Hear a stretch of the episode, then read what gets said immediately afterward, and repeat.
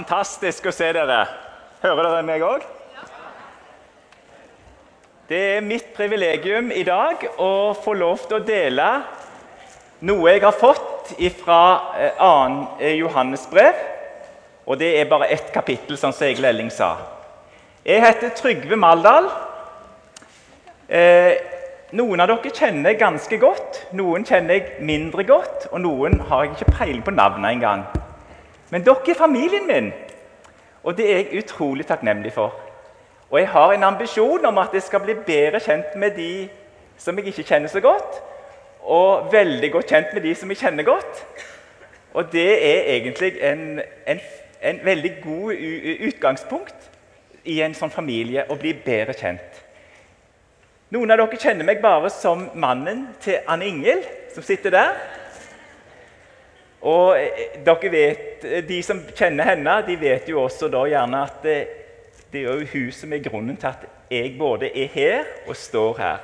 Det er et fantastisk privilegium å være gift med denne flotte dama. Og gjennom henne så har jeg også fått lov til å bli kjent med tre flotte andre jenter. To døtre. Ei som vi feira i går, 21 år, og ei som Ann Ingel er mormor til, hvis det er noen ikke skulle vite det. Og så har jeg også fått lov til eh, som privilegium å bli kjent med den større familien. Og det er, føler jeg, jeg er veldig heldig som får lov til å, å, å ha. Trygve betyr pålitelig. Og det er en av mine verdier. Det er det jeg ønsker å være. Jeg ønsker å være pålitelig. Dere skal kunne stole på Trygve. Jeg skal være en sånn person at folk skal vite hvor de har meg. De skal vite hvor jeg er hen. Maldal det kommer fra Sauda. Det er en fjellgård i Sauda, 400 meter over havet, som far kom fra. Nydelig plass. Det lærte meg på 60- og 70-tallet å bli kjent med naturen. Så jeg er naturelsker i dobbel forstand. Jeg har i grunnen studert eh, med nesa nese opp i sky, på verdensrommet, i bakken, på fjellgrunnen, ute i Jeg elsker å fiske. Jeg har alltid beundra Gud for det han har fått til. Fantastisk Gud vi har. Og han er vår far. Og han Eh, og Sånn tror jeg eh, Johannes også oppfatter han. Og Nå skal vi få teksten, og teksten skal leses av Sigve, som er min yngste sønn. Vær så god, Sigve.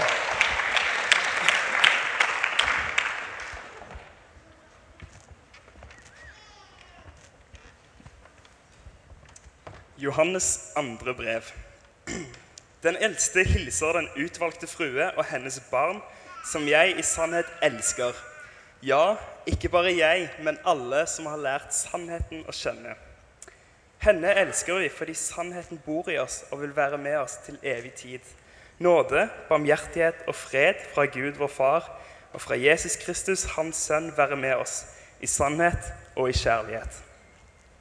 Jeg blir svært glad over å møte noen av dine barn og se at de lever i sannheten, slik som Far har befalt oss. Og det jeg skriver og ber deg om nå, frue, er ikke et nytt bud, men det vi har hatt fra begynnelsen, at vi skal elske hverandre. Og dette er kjærligheten, at vi lever etter Hans bud. Dette budet har dere hørt fra begynnelsen, og det skal dere følge. For det har gått mange forførere ute i verden, slike som ikke bekjenner at Jesus er kommet i kjøtt og blod. Dette er forføreren Antikrist. Vær på vakt, så dere ikke mister det dere har arbeidet for, men får full lønn. Den som ikke blir i Kristi lære, men går utover den, er uten Gud. Men den som blir i læren, har fellesskap med både Sønnen og med Faderen. Om noen kommer til dere og ikke har denne læren, så ta ikke imot ham i deres hjem, og ønsk ham ikke velkommen. For den som ønsker ham velkommen, blir medskyldig i det onde han gjør. Jeg har ennå mye å si til dere, men vil ikke gjøre det med papir og blekk. Jeg håper i stedet å komme og snakke med dere ansikt til ansikt. Da vil vår glede bli fullkommen. Din utvalgte søsters barn hilser deg.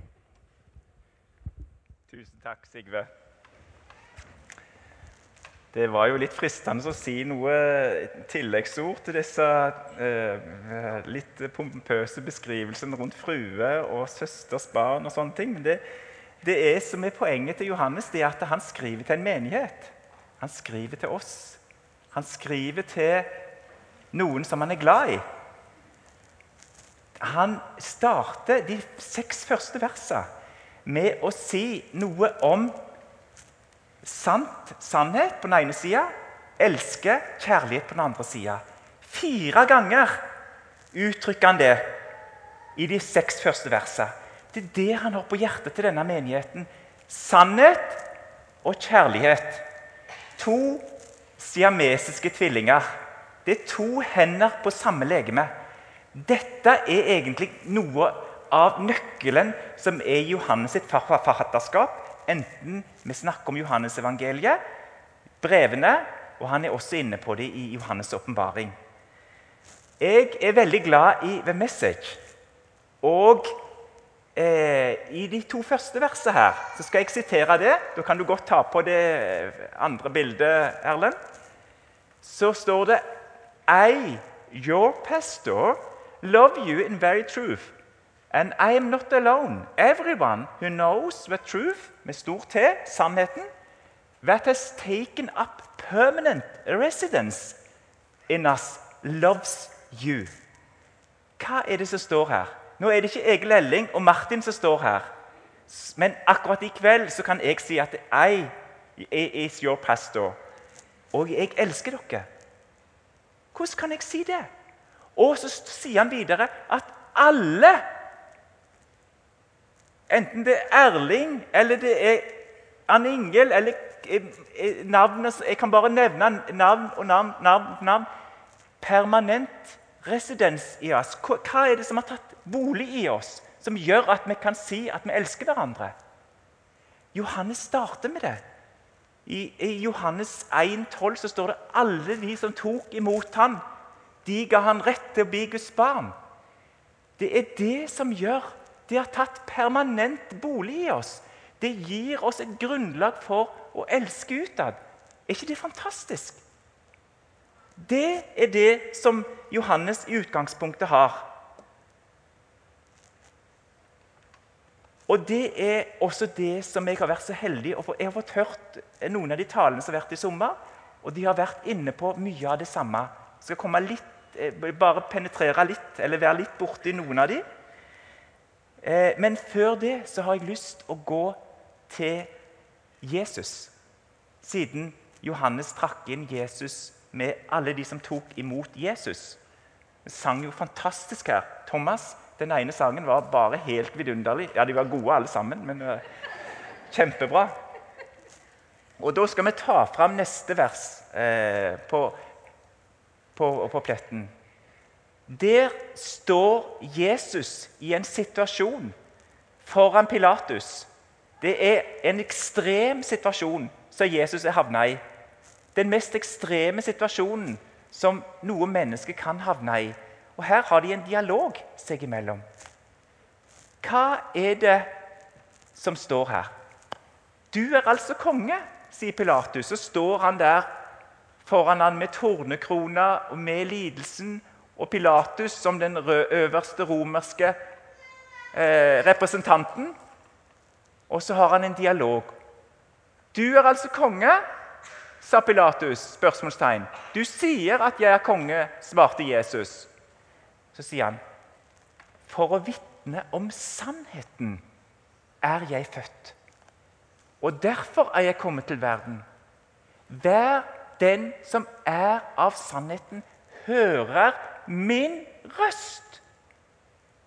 Hver den som er av sannheten, hører Jesus sin røst. Så sier Pilatus sånn Hva er sannhet? Jeg tror at Pilatus han skjønte ikke bedre av hva det betyr, det med sannhet.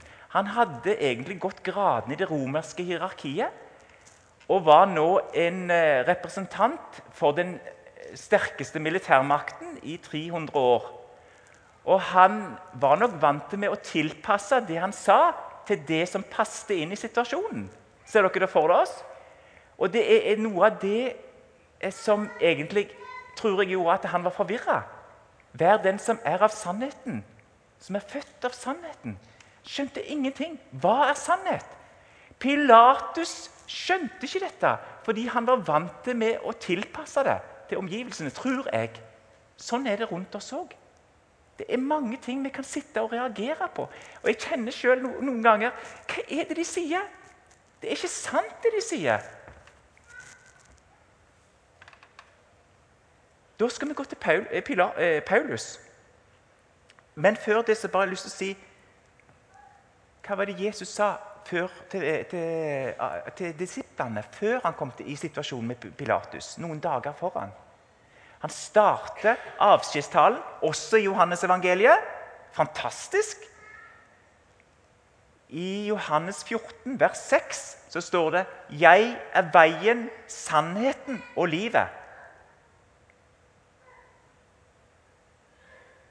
Hva er Paulus sin tilnærming? Nå skal vi finne et nytt vers. Jeg er veldig glad i det som står i Efeserne og Galaterne. og Der har jeg henta en del av det Paulus sier her om sannhet og kjærlighet.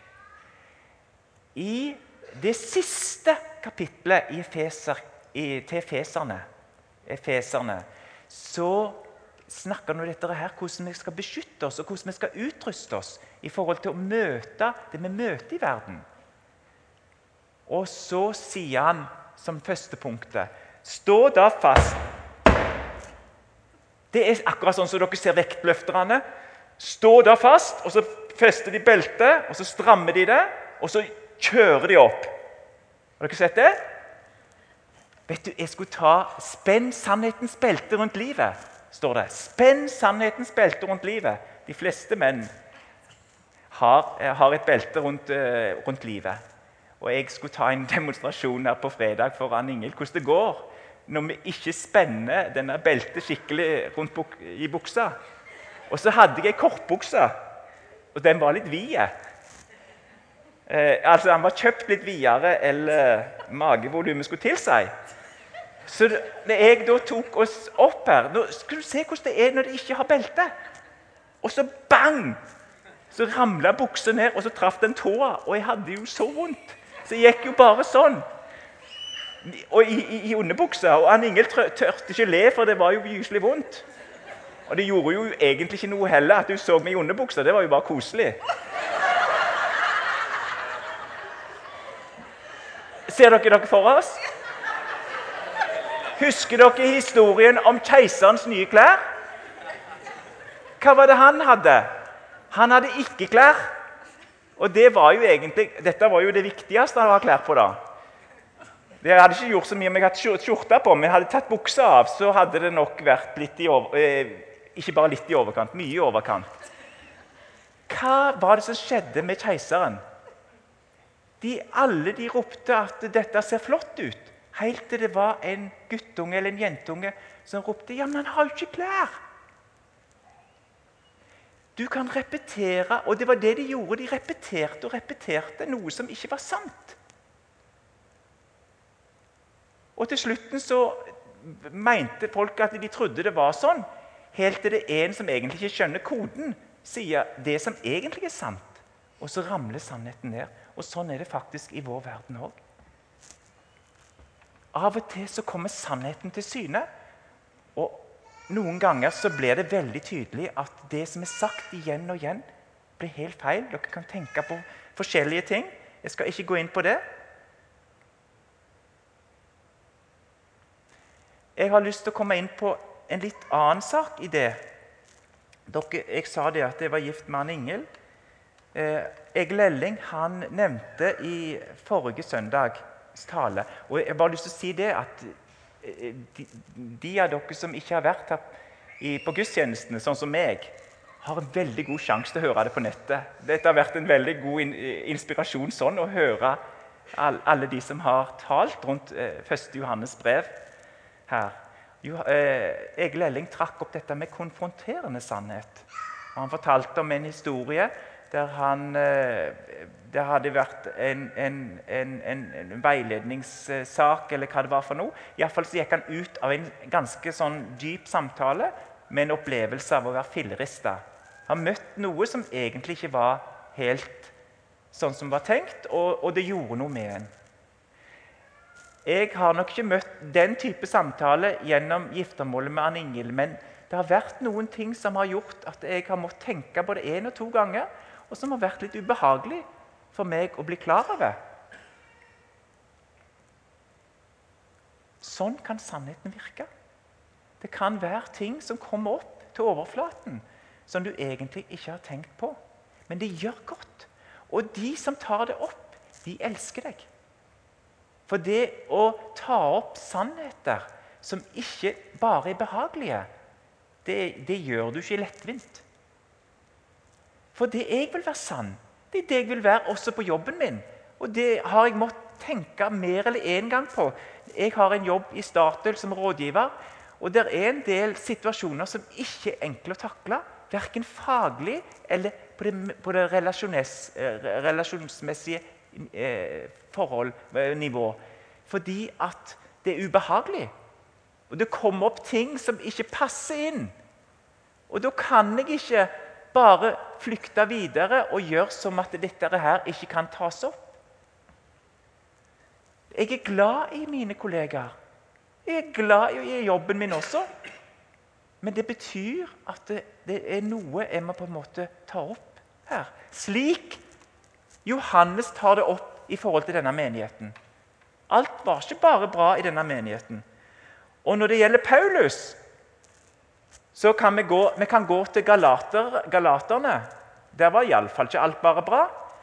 Hvis, vi, hvis, dere husker nå at Johannes han fokuserte på dette her med det antikristånd, ikke ta imot i hjemmene eh, Ganske sånn sterke og, og, og, og voldsomme ord. Hva gjør Paulus for noe? Første kapittel. Det er bare et evangelium, står det som overskrift her. Det undrer meg at dere så raskt vender dere bort fra Ham som har kalt dere ved Kristi nåde, og til et annet evangelium. Men det finnes ikke noe annet. Det er bare noen som forvirrer det og vil forvrenge Kristi evangelium. Vi sang i den sangen 'Jesus er opphøyd for oss', tatt imot Han. Det er det som teller. Men om vi selv, sier Paulus, ja, om en engel fra himmelen skulle forkynne dere et annet evangelium enn det vi forkynte dere, forbannet være han. Vi har sagt det før, og jeg gjentar det nå. Hvis noen forkynner dere et annet evangelium enn det dere har mottatt, forbannet være ham. Han fortsetter å hamre det inn i galaterne. Og hvis vi ser fem kapittel seinere, så, så, sier han for Kristus Jesus kommer det ikke an på om en er omskåret eller uomskåret. Det var noe av det de forvirra de med. De måtte omskjæres. Her gjelder bare tro som er virksom i kjærlighet. Dere begynte løpet godt. Hvem er det som har hindret dere i å være lydige mot sannheten? Her ser dere både ordet kjærlighet og sannhet i denne ganske sterke sekvensen på en helt parallell måte som vi opplever i Johannes brev. Hvem har overtalt dere? Ikke han som kalte dere. Litt surdeig gjennomsyrer hele deigen. Men i Herren stoler jeg på at dere ikke vil tenke annerledes enn jeg gjør. Den som forvirrer dere, skal få sin dom, hvem det, hvem det så er. Hvis jeg fremdeles forkynner omskjærelsen, søsken, Hvorfor ble jeg da forfulgt? Da er ikke korset lenger noen snublestein. Må de bare skjære av seg alt sammen, de som sprer uro blant dere? Det er Jeg vet ikke hva bildet dere får. Men jeg liksom ser, jeg ser understellet falle. Og det er altså, altså Tenk deg, det er ganske sterkt. Hva er det Paulus går til angrep på der? Religiøsitet. Altså ting som forvansker bildet, som erstatter Jesus. For vi erstatter det han har gjort, og som har eh, kommet inn med noe som egentlig forvirrer. Og Vi skal gå tilbake til Johannes seinere, der det som teller, teller. Og som er hele grunnvollen, og som vi alle går inn i. Og ikke minst, det gjør oss ufrie. For det er det eh, Paulus er opptatt av i Galaterne. Da ønsker dere skal være frie. I dette kapittelet her, så begynner vi det der. Til frihet har Kristus frigjort dere. La dere ikke igjen legge under trelldommens åk. Sannhet og kjærlighet gir som konsekvens også konfronterende sannhet. Du ble fri fra noe. Du ble løst fra noe. Du trenger ikke ha det i en eller annen eh, lukka lomme eller et eh, svart hull i hjernen. Du kan ta det ut, få det gjort opp og få gå videre. Og det er fantastisk. Det er jo, altså Du kjenner jo det etterpå, at mennesker som, som tar bryet med å gjøre sånne ting, de gjør noe godt for en. Det er herlig å bo sammen med folk som er ærlige, som er sanne. Jeg skal eh, også gå inn på ett vers, eller en sekvens i Gammeltestamentet. Det eneste sekvensen i Gammeltestamentet. Nå har vi snakket om Johannes, Jesus, Paulus.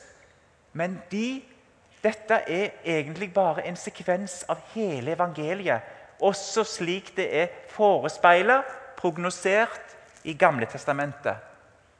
Så hvis du tar opp det siste verset her, så står det Og nå nærmer vi oss noe. Jeg vil høre hva Gud Herren sier, for han forkynner fred til sitt folk. Han forkynner fred til sitt folk. Johannes begynte med at det han ønska for denne fruen, det var fred, barmhjertighet og nåde. Fred, barmhjertighet og nåde. For han forkynner fred til sitt folk, til sine trofaste. Bare de ikke vender tilbake til sitt dårskap. Det var det Paulus snakket om. Toskeskap. Begynner å snakke om omskjærelsen igjen. Når de hadde fått Jesus fri, nåde, tilgivelse. Ja, hans frelse er nær for dem som frykter ham, for at, for at herlighet skal bo i landet vårt.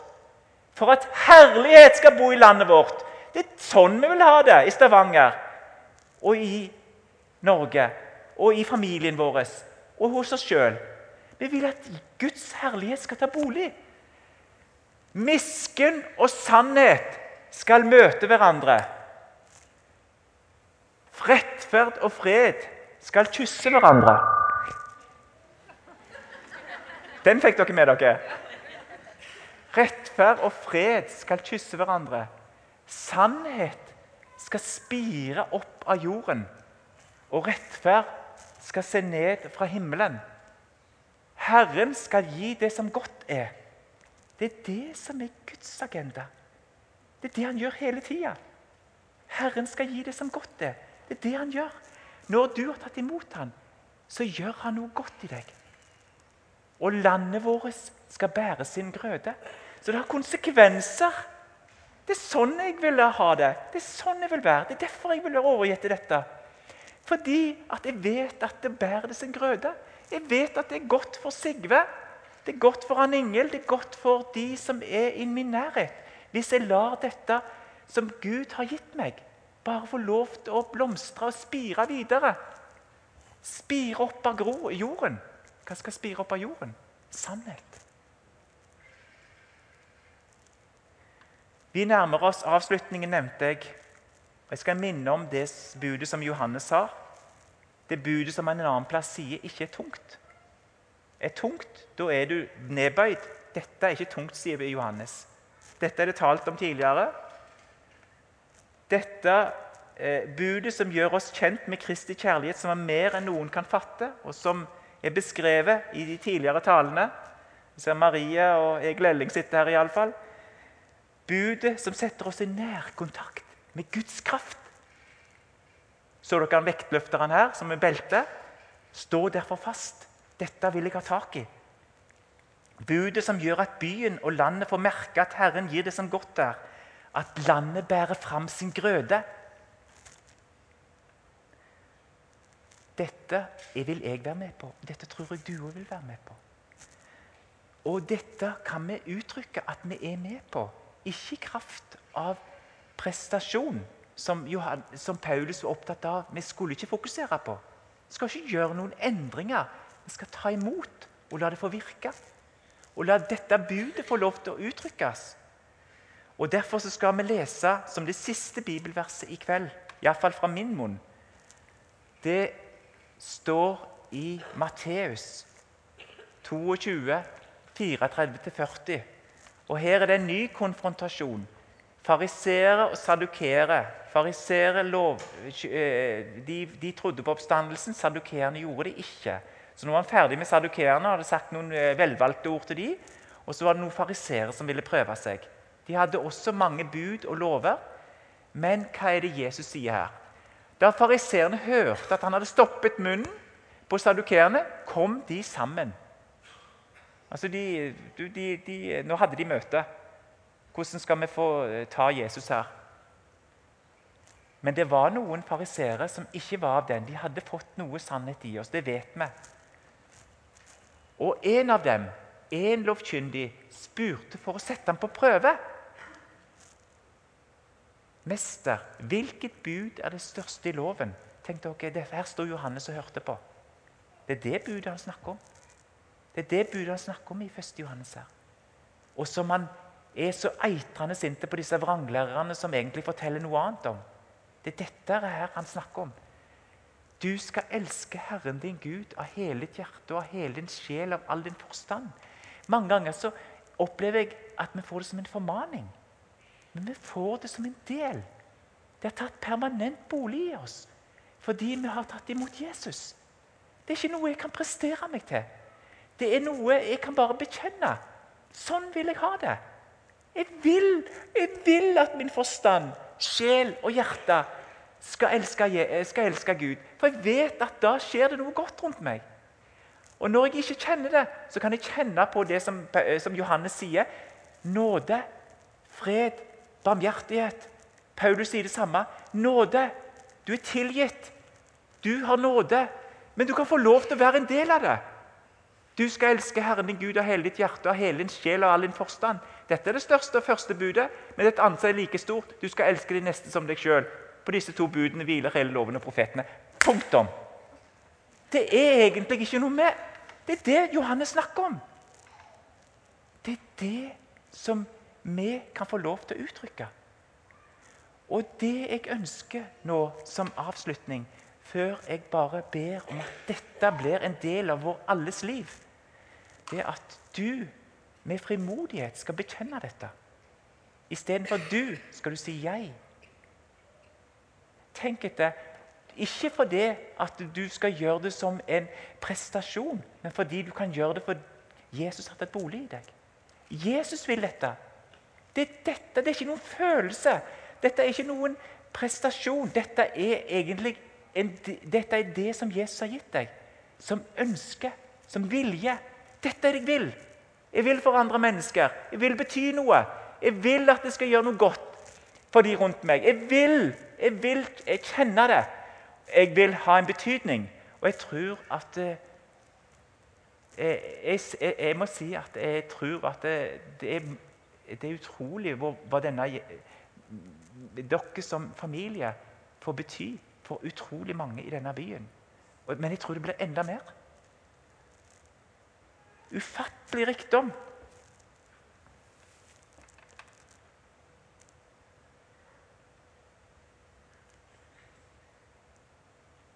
Jeg ser jeg har mista et bibelvers. Han Ingel ser det. Og Det var en vesentlig sannhet som, ble, som datt ut her. Men jeg tror jeg får bare Jeg får bare si det. Eh, for det står en, et vers her som jeg hoppa over, og som er litt vesentlig. Så dere får tilgi meg litt, men dere får bare litt, en liten ekstra. For i Feserne, kapittel 3, så står det noe før som vi egentlig skulle hatt. Så du blar ja, kapittel 3, og du kan ta vers 8-10 først. Hvis du blar litt videre bakover. Ja, Vi kan ta Efesene 3, 18-20. Må dere sammen med alle de hellige bli i stand til å fatte bredden og lengden, høyden og dybden. Ja, kjenne Kristi kjærlighet, som overgår all kunnskap. Må dere bli fulgt av hele Guds fylde. Han som virker i oss med sin kraft og kan gjøre uendelig mer enn det vi ber om og forstår. Det er sånn det, er, det virker. Han som kan gjøre uendelig mye mer om enn vi ber eller forstår. Jeg eh, syns dette rommer noe så fantastisk. Og Jeg kan lese også litt tidligere i Efesene, så sier han Jeg som er den minste av de hellige, sier Paulus, har fått en nåde å forkynne det gode budskap om Kristi ufattelige rikdom for folkeslagene. Kristi ufattelige rikdom for folkeslagene å bringe Guds frelsesplan fram i lyset. Det mysteriet som fra evighet av har vært skjult hos Gud. Han som skapte alt. Slik skulle hans mangfoldige visdom bli kunngjort gjennom Kirken for makten og åndskreftene i himmelrommet etter Guds evige forsett, som han nå har fullført i Kristus Jesus, vår Herre. Fikk dere med dere? Dette var den vesentlige sannheten. Jeg så plutselig at jeg hadde hoppa over et punkt her som var egentlig nøkkelen til den bekjennelsen som jeg håper og tror at de fleste av dere, og kanskje alle, vil være med på. Og er du ikke med på det, så kjenn på det. Vil du være en del av det, så kan du si 'Jeg tar imot deg, Jesus'. Så er du det en del av det. Kan du bla til den siste, Erlend? Da skal jeg si det først, og så kan dere få lov til å være med meg. Jeg vil elske Herren min Gud av hele mitt hjerte, av hele min sjel, av hele min forstand. Jeg vil elske min neste som meg sjøl. Kan dere si det sammen med meg? Jeg vil elske Herren min Gud av hele mitt hjerte og av hele min sjel og av all min forstand. Jeg vil elske min neste som meg sjøl. Er ikke fantastisk? Fatte bredden av hele Guds fylde. Kraften av hans oppstandelse. Hele det ufattelige som Paulus ikke vet hvordan han skal beskrive. Dette er vi en del av, dere! Da har jeg bare lyst til å avslutte før jeg Elling får ordet igjen, og takke og be om at dette, dette skal, denne bekjennelsen skal bare gjøre sin virkning Jesus. Himmelske Far, takk for at du er far. Takk for at du har gitt oss Jesus, som vi har fått del i denne ufattelige rikdommen av nåde og fred, og gjennom det få lov til å kjenne på din kjærlighet. Få lov til å kjenne på ikke den kjærligheten som, som en, bare en følelse. Av og til bruser det, av og til kjenner vi det. Men også en kjærlighet som er konstant, og som henger sammen med sannhet og ærlighet. Du hørte bekjennelsen, Gud. Og vi bare lar han lyde som en symfoni. Og jeg er sikker på at det er, lyder som en symfoni i himmelen. Herre, bruk oss, og la det bare bli kjent at vi vil bære din herlighet og godhet ut til familiene våre, til vennene våre, arbeidskollegaene, byen vår, nabolaget og til folkeslagene som vi uttrykte med Terje Høiland. Tusen takk, Gud, for at du er god. Amen.